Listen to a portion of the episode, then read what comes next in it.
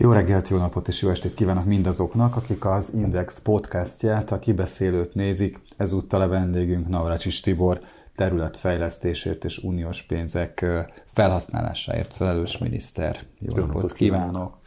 kívánok. Azt nyilatkozta nemrég, hogy új fiú a politikában, de hát ez nem igaz, tehát ez egy kis túlzás, de hogy azt tapasztalja, hogy megváltoztak az itthoni politizálási viszonyok. Mit értett ez alatt?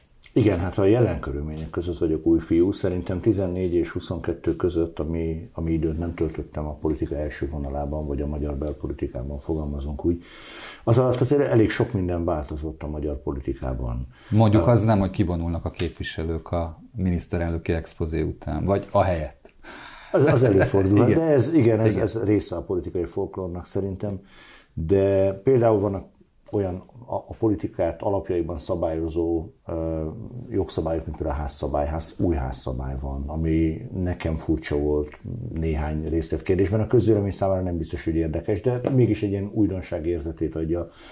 Illetve hát ez a, a, a, a fogalmazunk úgy, hogy a kommunikációban a kormány és ellenzék közötti, illetve általában az országgyűlésen belül a képviselők közötti kommunikációban azért most sokkal ritkább a szövet, fogalmazunk úgy, mint volt 14 előtt, tehát 10 és 14 között, miközben akkor is volt egy kétharmados többség, de, de sokkal erősebb volt a, az üléseken kívüli, ülések alatti, vagy ülések közbeni párbeszéd, vagy beszélgetés kép, ellenzéki és kormánypárti képviselők között. Egyelőre úgy látom, hogy ez most nem van. Miután nyilván követte az eseményeket, van ötlete, hogy ez miért van? Hát nyilván ez az általános, a magyar politika azért polarizálódott nagyon nagy mértékben. Ugye 2000, fogalmazunk, hogy 2010-ig, de tulajdonképpen azt hiszem 2002-ig azért ez egy, egy többpárti struktúra volt, ahol 5-6 párt volt a parlamentben, és a pártok közötti erőviszonyok is a maihoz képest viszonylag kiegyenlítettek voltak. Akkor 2002 és 2010 között volt egy nagyon erős kétpárti felállás, ugye egyrészt az MSZP, másrészt a Fidesz tulajdonképpen egy két volt, és 2010 óta pedig fogalmazunk hogy egy predomináns vagy domináns pártrendszer van, ahol, ahol a Fidesz sokkal erősebb, mint az ellenfelei, és ez szerintem a kommunikációra is kihat. Tehát amikor kiegyenlítettebbek az erőviszonyok, akkor sokkal intenzívebb a kommunikáció, közelebb vannak talán egymáshoz a, a képviselők is, hiszen árnyalatok vannak a képviselők között. Amikor pedig ilyen, ilyen nagy erőviszonybeli különbségek vannak, fogalmazunk úgy, hogy a Fidesz nincs rákényszerítve arra, hogy különösebb kommunikáció legyen az ellenzékkel, az ellenzéknek, mert nincsen esélye arra, hogy kommunikációs helyzetbe kerüljen a, a Fidesz. Ugyanakkor Orbán Viktor mondta, hogy azt szeretné, hogy egy erősebb ellenzék legyen. Ugye a választások, választások után is mondott egy ilyet, hogy ő ebben érdekelt is, hogy a baloldal kicsit megerősödjék. Ugyanakkor hát azt ön is látja, hogy olyan jogszabályokat, rendeleteket alkot a kormány, amelyel tulajdonképpen kiváltja az országgyűlés törvényalkotását némely területen. Természetesen azért, mert ugye egy rendkívüli helyzetet diagnosztizál folyamatában ugye a kormányzat, amely hol a migrációs veszélyhelyzet vagy válsághelyzet miatt, hol pedig a legújabb alkotmánymódosítás szerint, vagy alaptörvénymódosítás szerint ugye a szomszédos országban megnyilvánuló háború, illetve hát a humanitárius katasztrófa miatt indokolt, legalábbis így látja a kormányzat. Azok, akik kritizálják ezt a jogalkotást, azt mondják, hogy azért az, ami folyik Ukrajnában, bármennyire is, hát hogy mondjam, tragikus és heroikus, azért a, abból a szempontból, hogy az alapvető jogokat érintő kormányzati szerepvállalás, hogy mondjam, dominánsá váljon, azért ettől el lehetne tekinteni. Tehát mondjuk az országgyűlés ellenőrző szerepének hangsúlyosabbnak kéne lenni. Talán ez változást is hozhatna az országgyűlés munkájában, vagy a képviselők egymáshoz való viszonyában.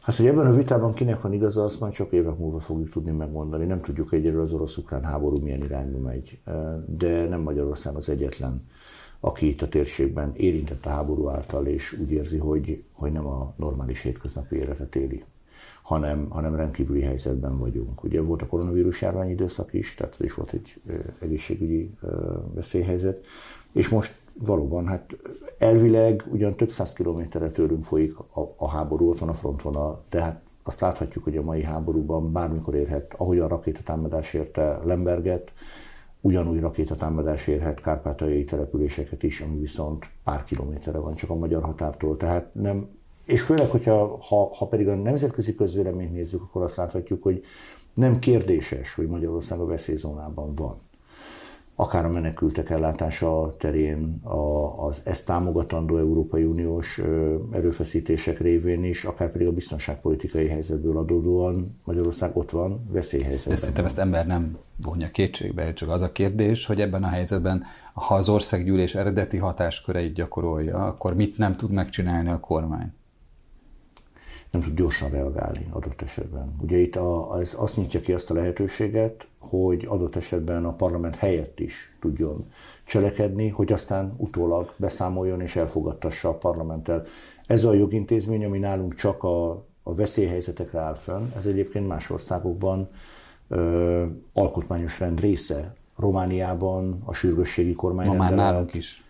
Tessék? Ma már nálunk is. Hát a, de a vészhelyzet része mégis, Igen. tehát az deklarálni kell a vészhelyzetet, de a sürgősségi kormányrendelet Romániában, vagy Olaszországban, vagy akár Franciaországban is teljesen elfogadott törvényalkotási mód, kormány lép, a végrehajtó hatalom lép, akár törvényhozási jogkörben is, és utána ezt szentesíti a törvényhozással. Nálunk erre csak veszélyhelyzetben van lehetőség. Hát mondjuk az jó, hogyha tud lépni ilyen kérdésekben. Ugye az elmúlt ö, ö, ciklusban, amikor még ugye az előző Orbán kormány idején történt, ugye a veszélyhelyzeti jogalkotás, ugye az volt a kritika tárgya, hogy nem azokat az intézkedéseket hozza, amelyek a pandémia kezeléséhez, vagy eredményes, ö, hogy mondjam, ö, gyógyításhoz szükséges, ha így tetszik, hanem ugye olyan típusú döntéseket, amelyek különböző klientúra juttatásáról szólnak, vagy nemzetstratégiai, vagy nemzetgazdasági szempontból kiemelt beruházásá nyilvánít bizonyos építkezéseket, tehát hogy ezeken túlterjeszkedett a kormány, mondják ezek a kritikusok. Nem tudom, hogy ezeket a vitákat ön követte?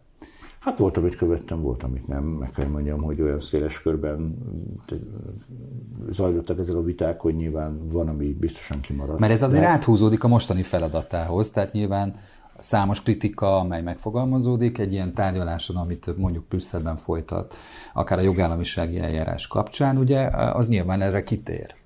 Igen, de alapvetően ilyenkor mindig a jövőbeni értelmezésekre, jövőbeni projektekre és jövőbeni vitákra koncentrálunk. A jogállamisági kérdésekkel én csak annyiban foglalkozom, amennyiben az a, a 21-27-es költségvetési időszak, 7 éves költségvetési időszak, illetve az újjáépítési alappal kapcsolatos projektek, illetve illetve forrás finanszírozás kapcsán kerülnek elő.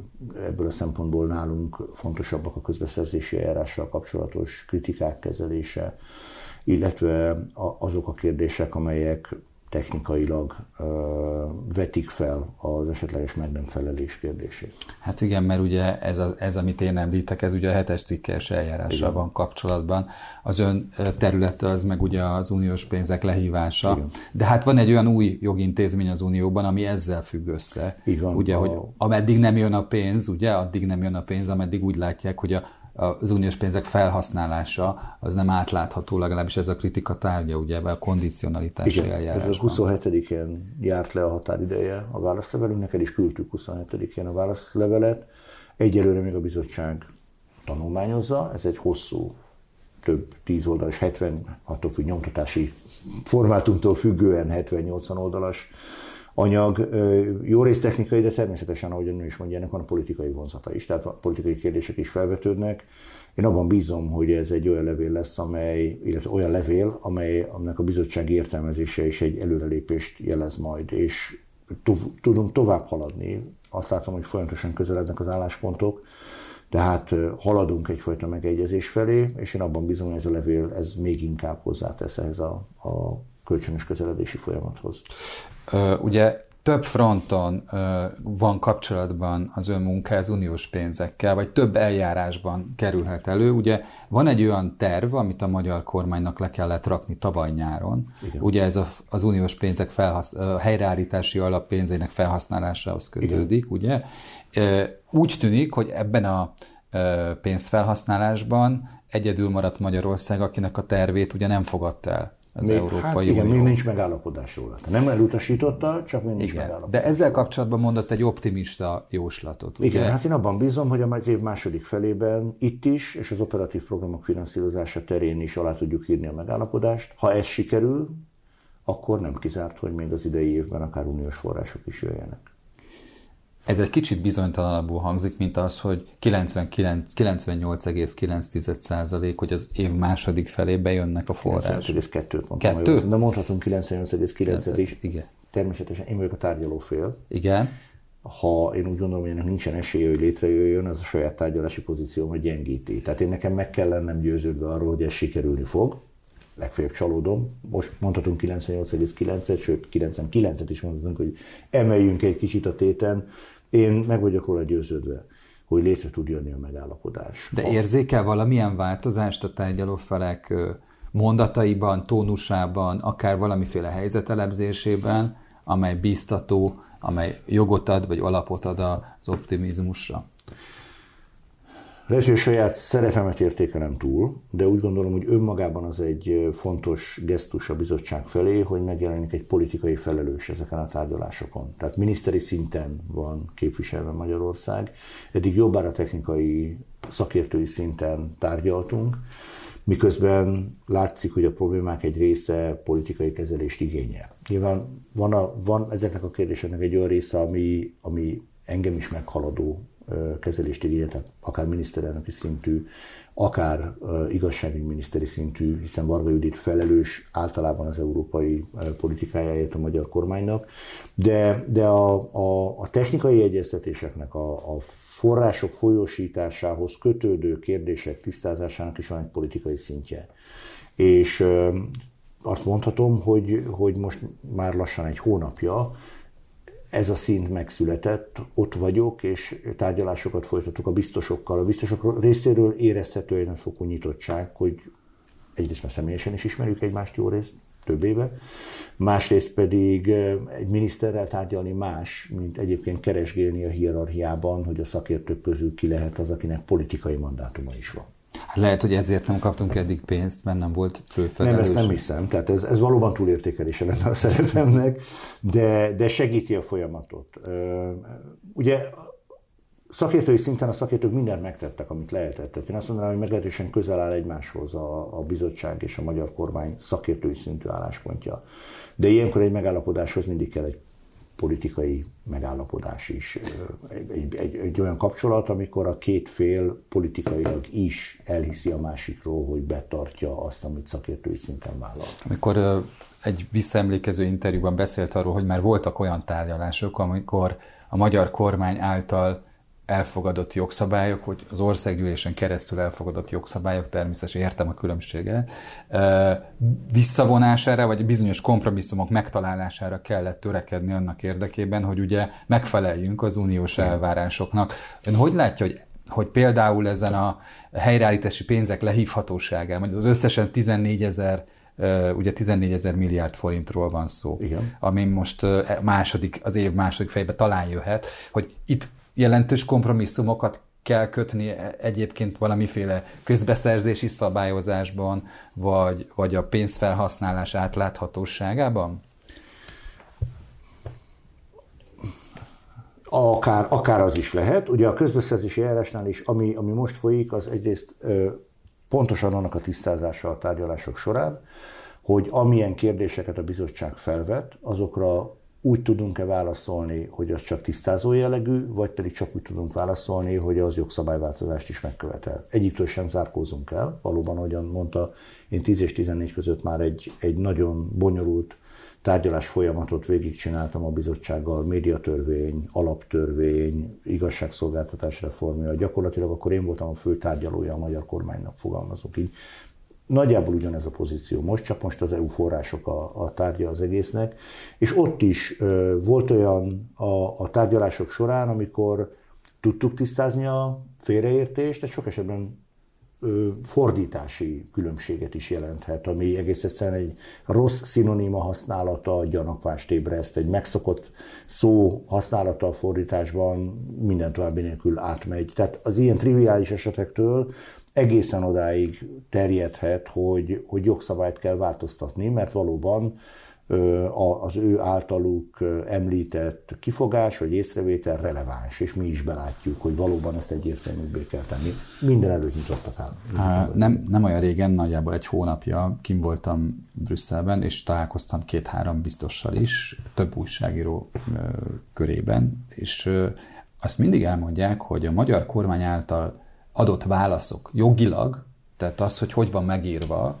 és hogy egyébként milyen érrendszer van mögötte, azt teljesen profi, és akkor szembesülnek a, a, a másikkal, a politikai oldallal. Ezt a kettősséget ön érzi-e? Tehát, hogy ez egy probléma, hogy ugye van egy belpolitikai kényszer, magyarul, hogy, hogy hát az ország védelme, a lakosság védelme, másfelől meg vannak ezek a száraz jogi történetek, amelyben kölcsönösen kell egyeztetni. Én érzem, éreztem biztosként is, ott ér, ott ér, és akkor térjünk vissza megint a beszélgetés elejére, hogy új fiú vagyok. Tehát 2014-ig a magyar Európa politika fővonala a tárgyalások során is, mindenfajta konfliktus során is az volt, hogy vannak konfliktusaink mondjuk a bizottsággal, vagy az uniós intézményekkel, de a konfliktusok végén meg akarunk egyezni, együtt akarunk működni.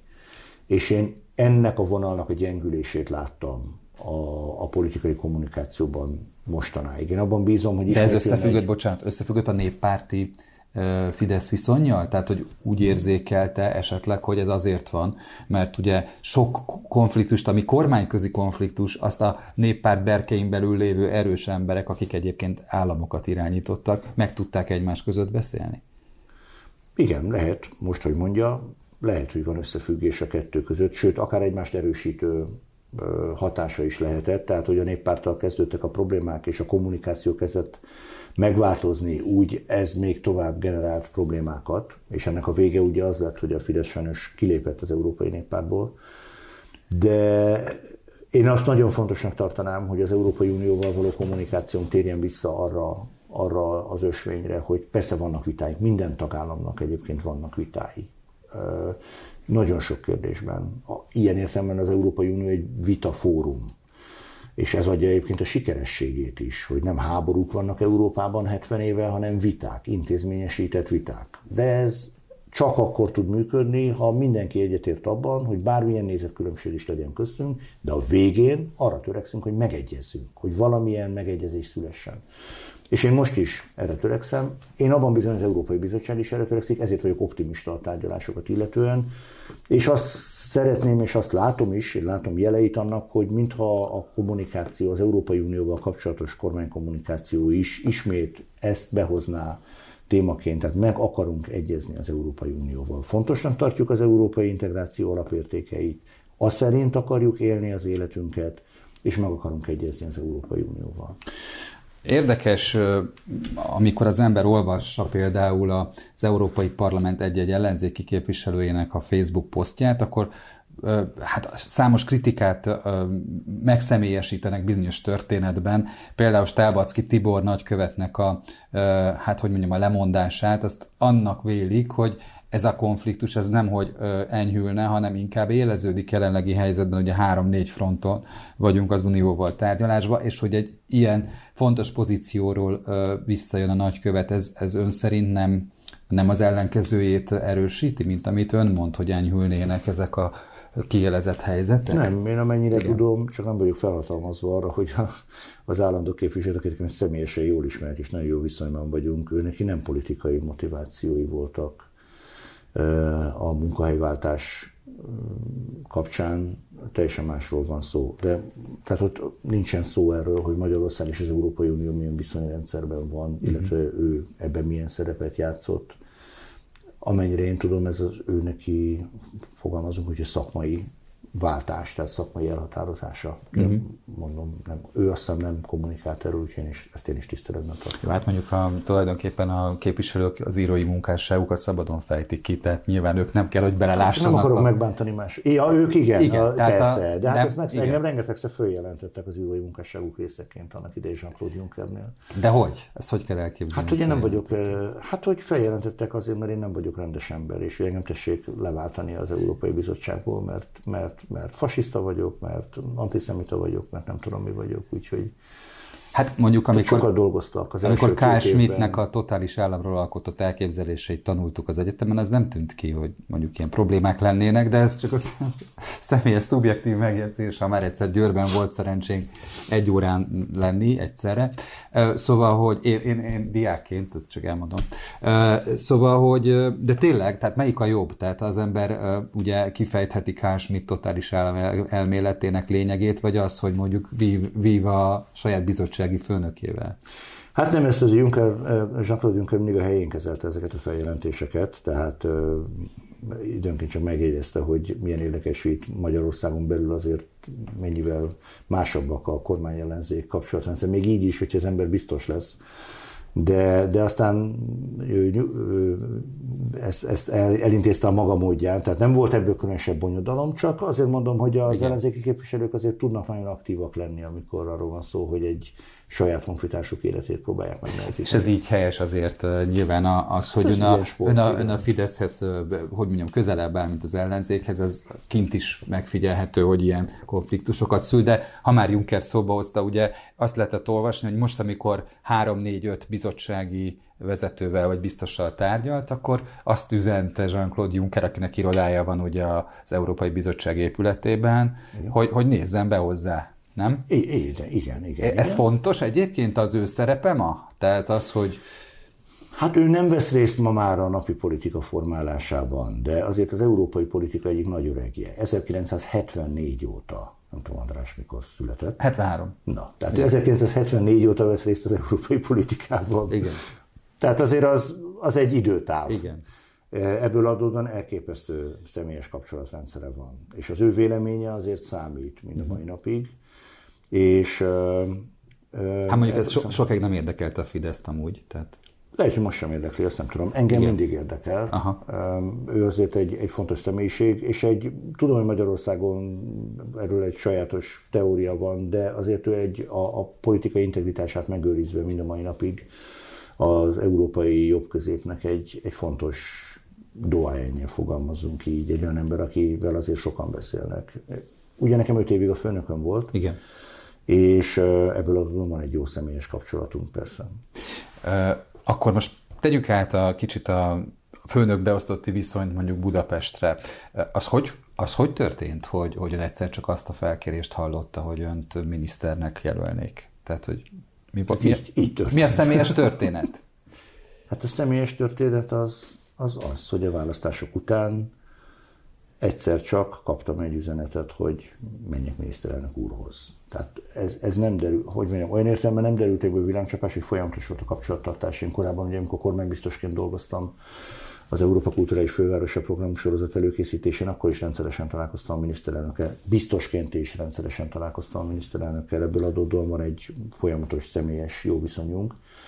A választások után jött a megkeresés, hogy, hogy találkozom miniszterelnök úrral, és akkor ő mondta, hogy az Európai Uniós források és a területfejlesztés terén. Ennek is van előzménye, hiszen én voltam az Észak-Dunántúli gazdaságfejlesztési régiónak a kormány, kormánybiztosa, és elég sok vitán és beszélgetésen vettem részt, ahol próbáltam azt a szempontot megerősíteni a magyar fejlesztéspolitikában, hogy az Észak-Dunántúlnak egy kicsit más elbánásra van szüksége, mint akár a Dél-Dunántúlnak, akár az ország keleti részének, mert más környezetben mozog, más fejlettségi adottságai vannak. És talán ezek voltak azok a beszélgetések, amik a miniszterelnök számára azt az ötletet hozták, hogy, hogy akkor próbálja, próbáljam a területfejlesztést és az EU források folyosításának felügyeletét rám bízni. Volt dilemma?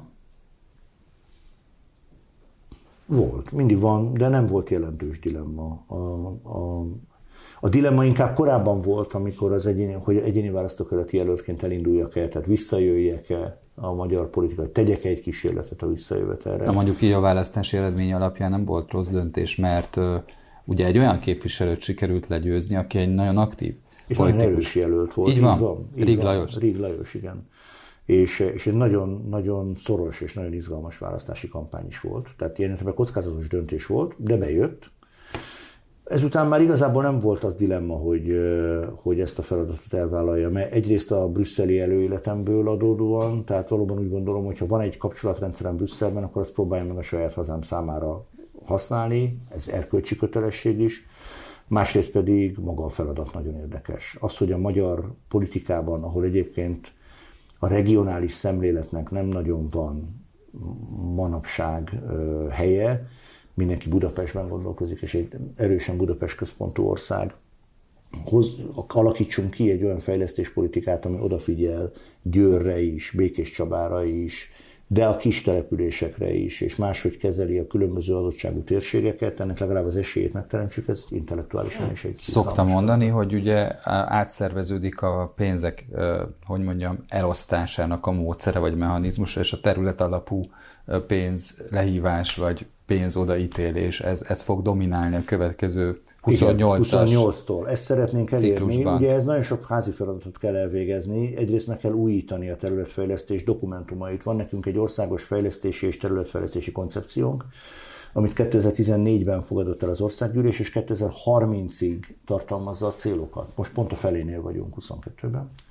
Ezért, amikor a Magyar Önkormányzatok Szövetségénél voltam, Gémesi György, Karácsony Gergelynél, akkor vetettem fel annak a lehetőségét, hogy pont fél időben vagyunk, Annyi minden történt 14 óta, koronavírus, migrációs válság, most éppen háború. Nézzük meg, hogy azok a célok, amik 14-ben jónak tűntek, azok még valóban állnak-e, reálisak-e, és ebben az önkormányzatok rengeteget tudnak nekünk segíteni. És itt teljesen mindegy, hogy kormánypárti vagy ellenzéki önkormányzatról van szó, mert mert a minden, észre, minden észrevétel fontos lehet. Arra vonatkozóan, hogy 2030-ra milyen Magyarországot akarunk. Talán egy hete vagy másfél hete volt egy rendezvényen együtt Karácsony Gergelyel, ugye? Mm. És ott szóba került az is, hogy milyen viszonyt akar kialakítani az önkormányzatokkal. Volt egy ilyen felvetése a főpolgármesternek, hogy szívesen találkozna ezügyben négy szem köz, de mondta, hogy csak januárban érne. Nem, nem, nem. Nem? Az nyelvbotlás volt, hogyha azt mondtam, július, Júli... július 11-én fogunk találkozni. Aha. Igen. Tehát akkor az két héten akkor belül... tudtunk azonosítani időpontot. Nyilván az én hibámból elsősorban, nekem azért itt sok minden van, ugye össze kell állítani a munkaegységet is. Hát ha jól figyeltem, az utolsó két hete elég intenzív volt, mert kim volt egy pár Igen, egy hónapja vagyok miniszter, és Igen. azóta azért elég sok mindent meg kellett csinálni. Tehát július 11 volt a legközelebbi időpont, de ezt főpolgármester is elfogadta, hogy akkor fogunk találkozni. Mi a cél, ha egyébként azt érzékeli, hogy Budapest központú az ország? Tehát Budapesttel kapcsolatban nyilván más az elbánás, mint, mint a kis településekkel kapcsolatban, vagy más megyei jogú városokkal kapcsolatban. Ugye tegnap előtt volt számos település vezetővel együtt egy konferencián. Igen. Ott nyilván más dolgokat hangsúlyoz területfejlesztési szempontból, mint a fővárossal kapcsolatban. Igen, én azt szoktam mondani, hogy a magyar területfejlesztés politikának tulajdonképpen területi szempontból három célja kell, hogy legyen. Az egyik, hogy a felzárkózó régiók, ami sajnos az Észak-Dunántúl kivételével az ország többi része, amik ezek a régiók, ezek az Európai Uniós átlag, tehát hogy az Európai Uniós átlagot száznak vesszük, akkor az Európai Uniós átlagnak a fele körülbelül fejlettségi mutatót tekintve. Ezeknek meg kell találnunk, hogy hogyan tudunk hatékonyan segíteni. Mert az a, kevés, hogy a fele. Igen, ezt valahogy följebb kéne húzni. De, de mennyire? Hát mondjuk százra, de, de ez, ez de egy hosszú időszak, akkor? így van, ez egy hosszú távú cél, Igen. de én azt szeretném, hogyha egy folyamatos javulás lenne, egy-két pontos pozíciójavulás lenne. De ezt nem mondhatjuk, hogy határidőben ennyit kell javulnia? Tehát ez, ez túlzás lenne? Hát azért most? nem tudjuk most, mert Igen. háború, nem tudjuk, mert itt a ja, háború, infláció, mm. nagyon sok minden. Célul kitűzhetjük, hogy azt mondjuk, hogy nem tudom én 2030-ra érje el az EU átlagának nem tudom hány százalékát. Igen. De ugye a politikában van olyan, hogyha én csak azt mondom, hogy ez a célom, akkor azt rögtön már úgy kérik rajtam számolni, hogy miért nem csináltam meg. Értem. Külső körülményektől függetlenül. A másik cél az, hogy az Észak-Dunántúli régió, tehát az, ami Közép-Dunántúl és Nyugat-Dunántúl, ami magyar mértékkel mérve jó állapotban van, egy nagyon komoly versenyképességi nyomásnak van kitéve. Ott van Pozsony, ami az Európai Unió egyik legdinamikusabban növekvő régiója, ott van Burgenland, másik oldalon, határos, ha pedig tágabban nézzük, akkor ott van egész Ausztria, ott van Bajorország, Baden-Württemberg, amik a ma a legdinamikusabban növekvő régiói, és egyik legmagasabb életszínvonalat produkáló régiói Európának, és ennek hihetetlen elszívó hatása van az Észak-Dunántúra nézve. Mm-hmm. Tehát ott is valamit ki kell találnunk, hogy azt ott hogyan tudjuk kezelni. És a harmadik Budapest. A Budapest nem a többi régióval, nem a többi magyarországi régióval van egy kategóriában, hanem Budapest Prágával, Pozsonnyal, Bécsel, Varsóval, Bukaresttel, Zágrábbal térségbeli nagyvárosokkal versenyez, ott is meg kell találnunk, hogy hogyan tudunk úgy segíteni Budapestnek, hogy ebben a versenyben egyébként megállja a helyét, de a jövőben is megállja a helyét. Ez e, a koncepció, az egy hármas cél, ez ahhoz hogy viszonyul, hogy most igazából nem regionális alapon, hanem a megyei szinten van egy új átnevezés, ez a vármegyei koncepció és az ispánok visszajövetele. Lát már, mert a múlt héten még nem látott valami érdemi hatáskörváltozást együtt az átnevezéssel? Nem, hát a levél címzését kell megváltoztatni, ennyit látok. És ennek van értelme amúgy? Persze, mindennek lehet értelme. Itt a, ugye a kormány, illetve a kezdeményezők indokolása szerint a történelmi hagyományokhoz való visszanyúlás a célja. Nekem ez nincs ellenemre különösebben nem bánom. Világos. Hát akkor az utolsó periódusban beszéljünk arról, hogy a személyes választókörzetében, Veszprémben van-e valami olyan kiemelt terv, ami hát, miniszterként ez érdekes lehet, nem? Ugye, hogy országgyűlési képviselőként lobbizik a miniszternél, de, de tényleg most komolyan, de azt lehet olvasni, hogy egy, hogy egy Balaton körüli vasút megteremtése, ez egy ilyen terv. Hát ez egy álm, azt kérdezték, hogy van-e álmom. Nekem Igen. ez az álmom, és akkor mint egy cáfolatként lehozták, hogy 16-ban már van egy kormányhatározat, ezért az álmom. ez igazodta sem valósult Értem. meg. De én nem értek a vasúthoz, de én úgy látom, hogy ott Balaton körül mindenhol vasút van, és mégse lehet körbe vonatozni. Nem lehet olyan ördöngös dolog szerintem, hogy ezek megteremtsük a kapcsolatot. Hát ez a Tapolca, Sümeg, Ajka városok, és Badacsonytomaj négy városa van ennek a választókerületnek, és 56 telep, ö, faluja. Ez egy gyönyörű vidék, tehát ez Réfülöptől Balatonedericsig a Balatonpart, Sümeg környéke, Ajka környéke, a Bakonyalja, tehát egy, egy gyönyörű vidék. Más-más a választókerületnek az is sajátosság, hogy nagyon más karakterűek. Tehát Ajka inkább egy ipari karakterű, ugye Magyarország egyik ipari központja, tulajdonképpen Ajka és környéke. Még hogyha a Réfülő, Badacsony, Szigliget térséget nézzük, az még egy turisztikai, gasztronómiai körzet.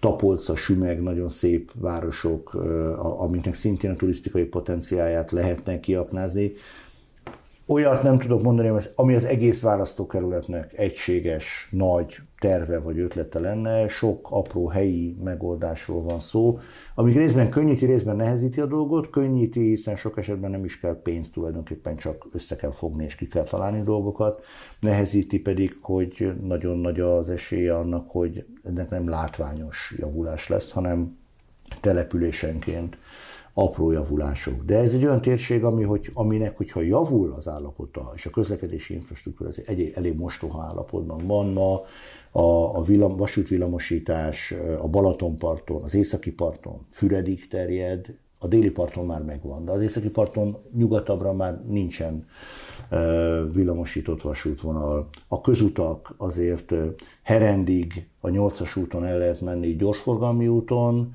ez, hogyha valaki az északi partra akar menni, ez egy könnyítés, de hogyha valaki már a 71-esen, tehát a Balaton északi partján akar menni, vagy egyel bejebb a 77-esen a Veszprém tapolcai úton, vagy a kisebb utakon, akkor azért látják, hogy kátyuk vannak, nagyon rossz állapotban lévő utak vannak, tehát sok fejlesztésre van szükség. Jut eszem a Balaton fejlesztési tanácsban még van szerepe? Igen, még társelnök vagyok, igen. Ez, ez egy nagy dilemma számomra. Ez nem összeférhetetlen? Hát formailag nem összeférhetetlen, de egy miniszter elvileg ugye egy egész országért felel, tehát ez egy ilyen, még, még gondolkozom rajta, hogy mert a Balaton meg a szívügyem, tehát hogy tudom Magyarországon lehet olyan, hogy a miniszter azt mondja, hogy nekem ez a szívügyem, csak hajlok arra, hogyha tényleg új kultúrát akarunk, akkor itt önmérsékletet kell tanúsítanom, és bár nagyon szeretem a Balatont, de át kell adnom a társadalmi pozíciót egy államtitkáromnak. Miniszter úr megtisztelt, hogy itt volt. Köszönöm, köszönöm szépen a beszélgetést. Önöknek köszönöm, vagy nektek a figyelmet, és hát tartsatok velünk jövő héten is, várjuk, vár, várunk titeket szeretettel.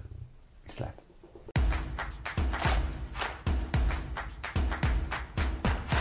A műsor a Béton partnere.